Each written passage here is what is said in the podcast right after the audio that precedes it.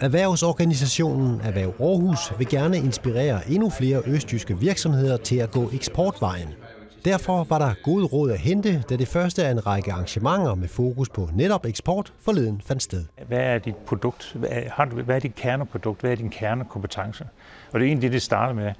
Fordi hvis man begynder at gå ud med nogle sekundære af sine produkter på et eksportmarked, så tror jeg, sandsynligheden for at, at, at få succes er meget begrænset.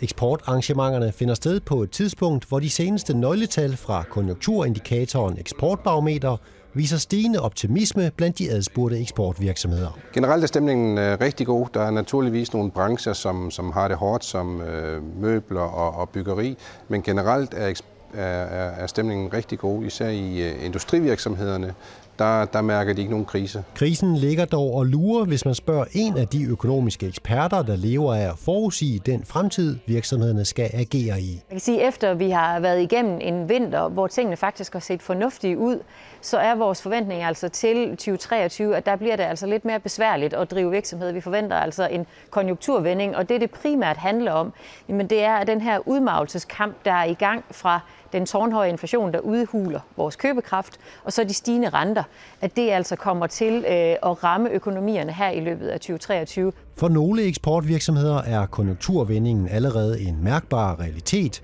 Det gælder blandt andet for nogle af de industrivirksomheder, som Søren Christian Madsen er involveret i via JPS Marcelis-koncernen.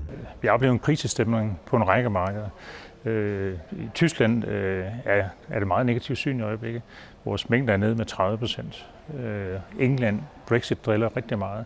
Økonomien er meget udfordret over. Vi har øh, mindre kunder, som simpelthen ikke øh, kan klare øh, strøm og, og energipriser derovre, som lukker. Men de udfordrende markedsvilkår byder også på muligheder. For eksempel i form af opkøb. For på uger siden blev jeg ringet op af en konkurrent, der siger, vil ikke købe mig? Øh, og det, vi, vi har typisk i krisetider har vi købt op. Øh, så, så, så jeg kigger mig meget rundt og ser, om der er nogle muligheder, der opstår på grund af krisen, fordi nogen har det svært. Øh, og der kan vi jo som en robust økonomi øh, måske gå ind og hjælpe og, og få nogle nye muligheder, som vi ikke ville have haft i god tid.